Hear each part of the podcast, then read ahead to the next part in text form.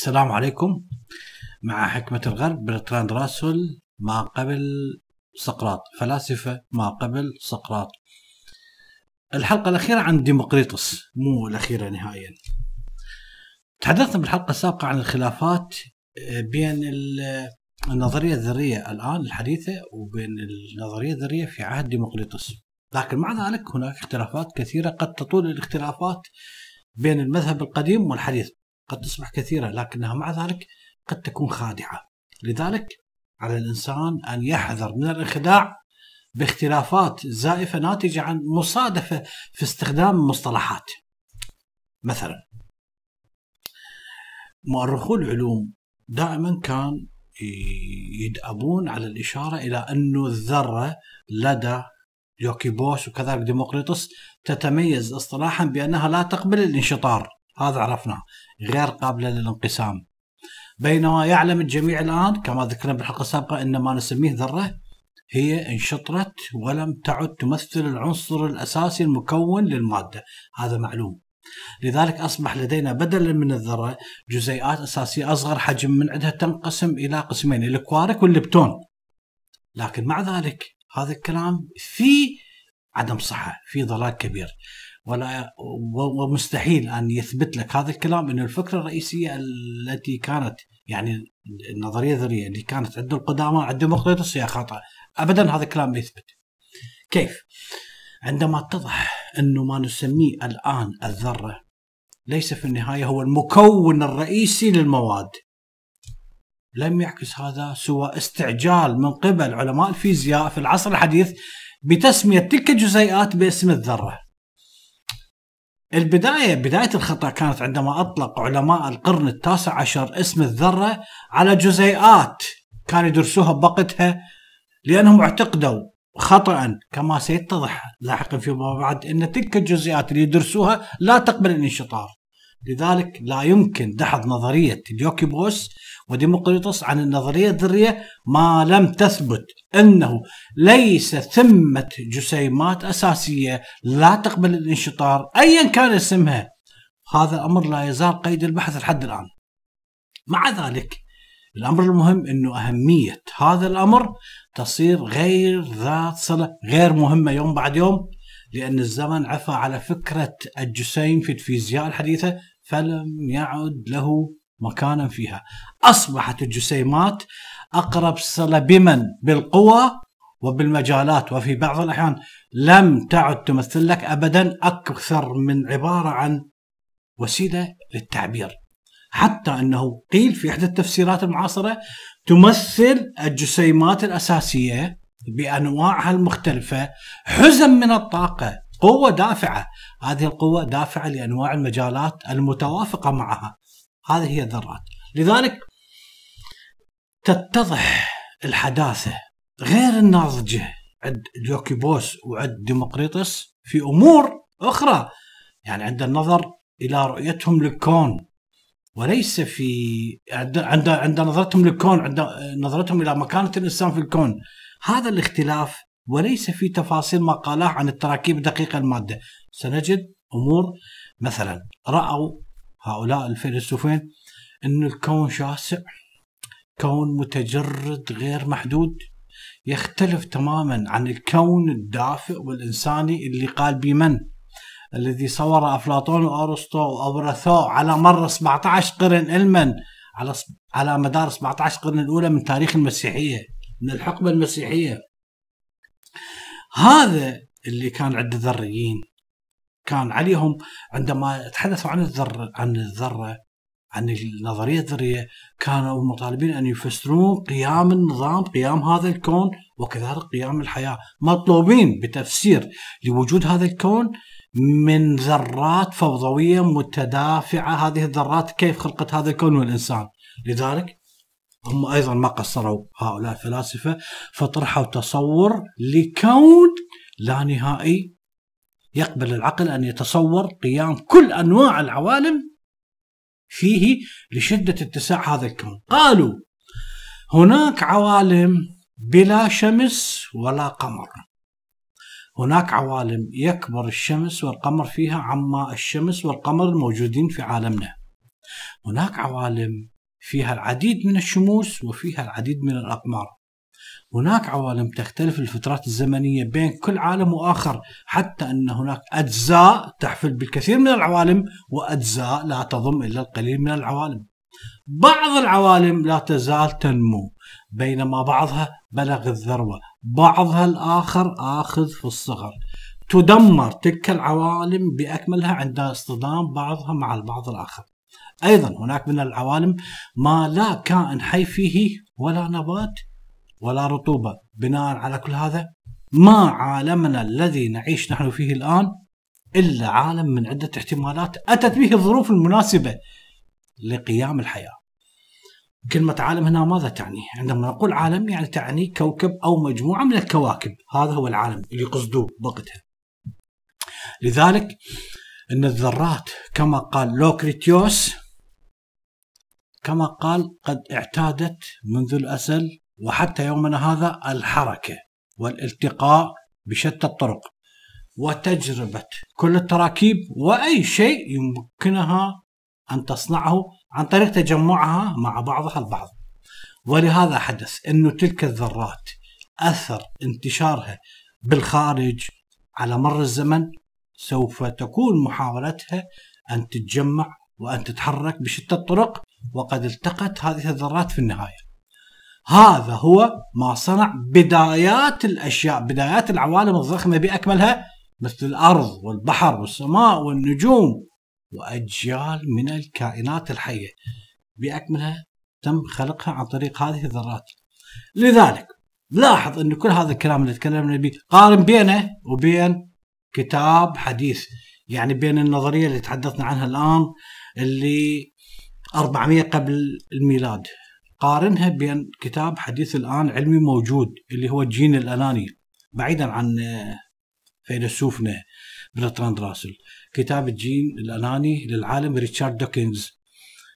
هذا العالم اللي يبدأ في هذا كتابه بإقرار شديد الشبه بما قاله لوكريتيوس. فيقول لا حاجة ريتشارد دوكنز لا حاجة بنا بعد اليوم إلى اللجوء إلى الخرافات. كلما واجهتنا أسئلة معقدة مثل هل الحياة معنا؟ ما سبب وجودنا في هذا العالم؟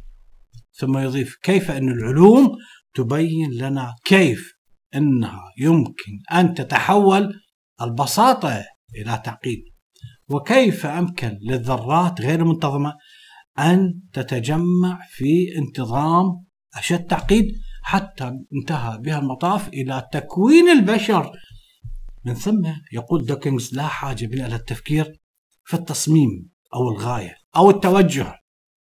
وإذا ما استقرت مجموعة من الذرات في نمط ثابت فإنها ستنزع إلى البقاء على هذا الحال. وهكذا اللي سوف يحدث أنه سوف يقوم العلم الحديث بأن يقوم بإكساء عظام ديمقريطس وأبيقور ولوكريتيوس يكسي عظامهم لحم. يصبح لهم قيمة معرفية جدا كبيرة.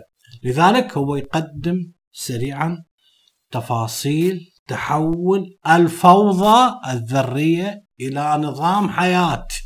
هذا نظام الحياة اللي يحدث تحول طبيعي بدون خالق بدون بارئ بدون مصمم لهذا الكون مما يحقق لهم آمالهم. لذلك سوف يأتي داروين ويمسك بأكبر خيط في لغز الحياة عندما قدم تفسيره في أصل الأنواع من خلال نظرية التطور ومن خلال الانتخاب الطبيعي اللي رأينا مادتها الأولية في توقعات امبيدوقليس في الحلقات السابقة المهمة.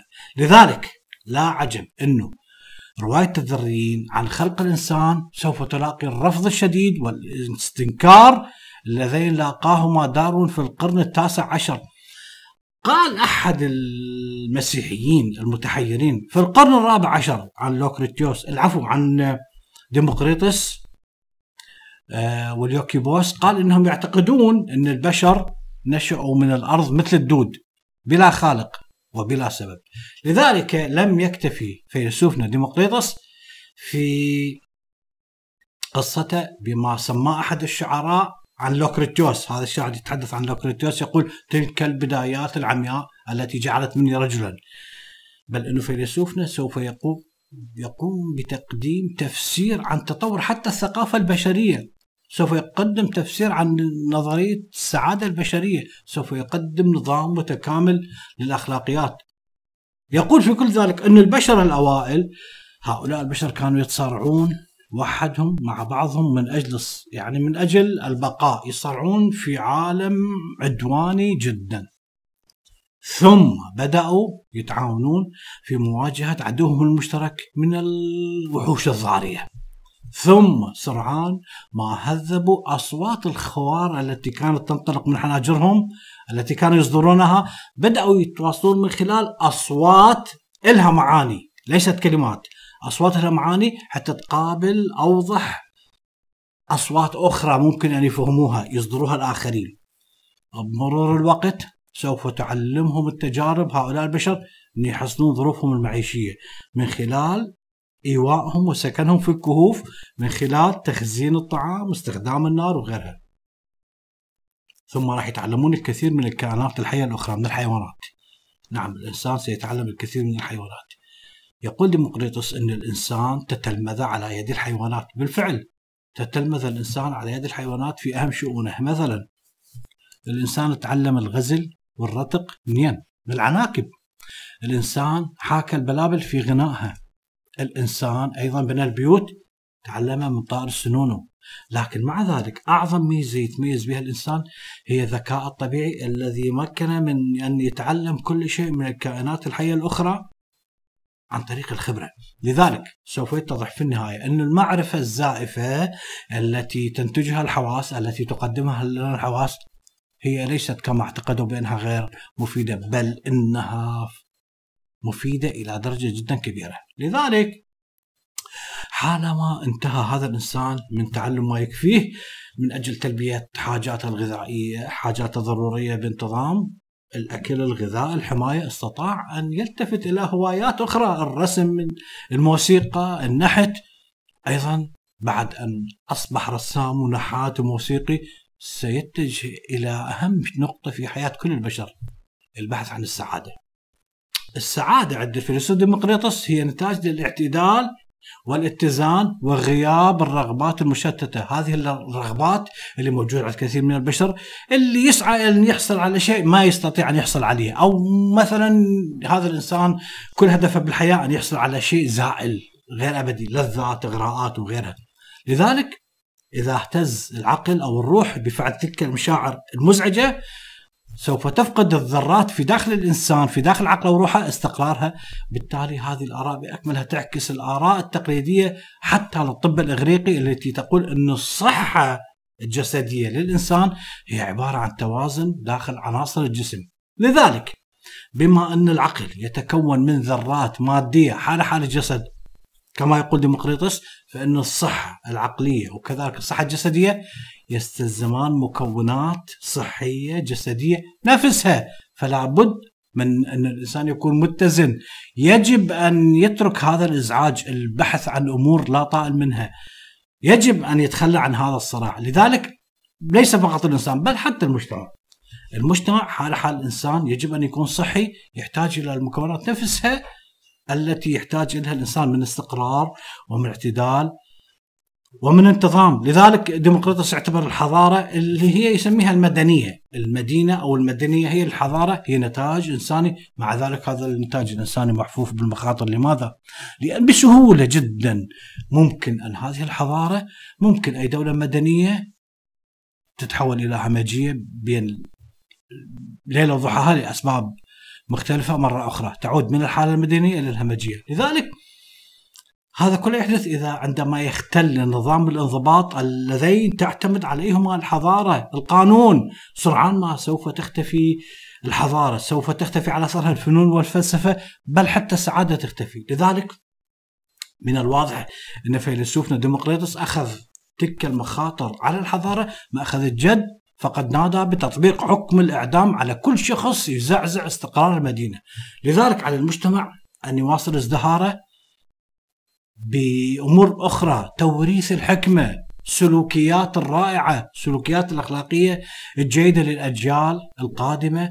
يجب أن يورثهم أخلاقيات عالية يعني ذات مستوى جدا عاد مستوى عالي. أخلاقيات يتمسكون بها الإنسان. لذلك سوف يقوم الفيلسوف بتناول الكثير من الأجزاء المتبقية. في كتبه أمور جدا كثيرة من ضمنها مسألة تعليم الأجيال على سبيل المثال لأن اعتبر تعليم الأجيال أخلاق عظيمة أخلاق عالية هي مسؤولية جدا ثقيلة. فكتب يقول إنه أسوأ شيء في الوجود ما هو؟ أسوأ شيء في الوجود هو التعاون في التربية. العفو هو أن نتهاون في التربية. هو أن آه، نلقي بالتربية والتعليم جانبا. هو أن لا نعطي أهمية كبيرة لتعليم الصغار. هذا أخطر شيء بالوجود. لذلك لا أحد يعرف من المؤرخين على وجه الدقة هل كان ديمقريطس متزوج أو عنده أبناء أم لا. أغلب الظن إنه لم يكن له أبناء. وحتى لو كان عنده أبناء فإنه كان سوف يندم على هذا الأمر. لأن أغلب الظن هو كان يقول إنه على المرء اللي يريد أطفال أن يأخذ طفل من أحد أصدقائه يتمناه. فعن طريق هذا الأمر يستطيع أن يختار الطفل اللي يريده. على شاكلته وممكن إن يربيه ويعتبره مثل ابن له. ومن ثم يمكن أن يختار ما يهوى عقله. من هذا الطفل الصحيح الجسم والعقل لكن إذا أنجب ابن عن طريق الزواج عليه أن يواجه عدة مخاطر. من ضمن هذه المخاطر أن يعثر على أو مو يعثر أن يعيش مع طفل بكل لنقل بكل ما أتى به الوجود. ايا كانت يجب أن يتعايش مع هذا الأمر. بينما إذا تبنى طفل هو راح يختار من البداية يعني اللي يريده. لذلك بالنظر إلى اصراره الشديد على ترسيخ الفضيلة بالمجتمع على ترسيخ الفضيلة في نفوس الشعب والمجتمع بأكمله قال لابد أن يحاول الإنسان أن يتعايش مع نفسه يصالح مع نفسه. لذلك الأخلاق يجب أن تكون هي السائدة. أراد أن هذا الفيلسوف أن يعلم الناس العدالة الرضا بالنصيب الحكمة. هاي بأكملها. لم تكن قيم ثورية أتى بهذا الفيلسوف كانت أيضا تعكس لك الأخلاق والمبادئ اللي كانت موجودة في اليونان بعد أن عدلها من أجل أن تضمن التفسير الذري للعقل. لذلك أبرز ما ابتكره هذا الفيلسوف من الوعظ هو عملية انه حث جميع الفقهاء على اتباع السلوك القويم لا من أجل إرضاء الآلهة لا من أجل أن نحصل على حياة في الدل في الآخرة هذه الحياة آه، نضمنها ونحن في الدنيا لا ابدا إنما يجب أن نتحلى بالأخلاق لأن الفضائل والأخلاق سوف تمهد الطريق الوحيد الذي يمكن الاعتماد عليه من أجل أن يحصل الإنسان على السعادة في هذه الحياة الدنيا. عن طريق اتباع الأخلاق الفاضلة. وليس أنه أنت بكل هدفك أنه من تموت تحظى على جنات النعيم في الآخرة والحياة هنا الدنيا عايشها في جحيم لا يطاق. لذلك طور ابيقور ولوكريتيوس لاحقا تلك الأخلاقيات التي ليس لها أي علاقة بالدين وهو ما سوف يعتبر لعنة على المسيحيين الأوائل. لذلك سببت فكرة اتباع أخلاقيات من صنع الإنسان وليست أخلاقيات آلهة في إثارة أسئلة مقلقة جدا بين المفكرين حتى المفكرين من معاصري فيلسوف ديمقريطس. خلصنا من ديمقريطس. بعدين نتجه إلى السفسطائيين شكرا لكم.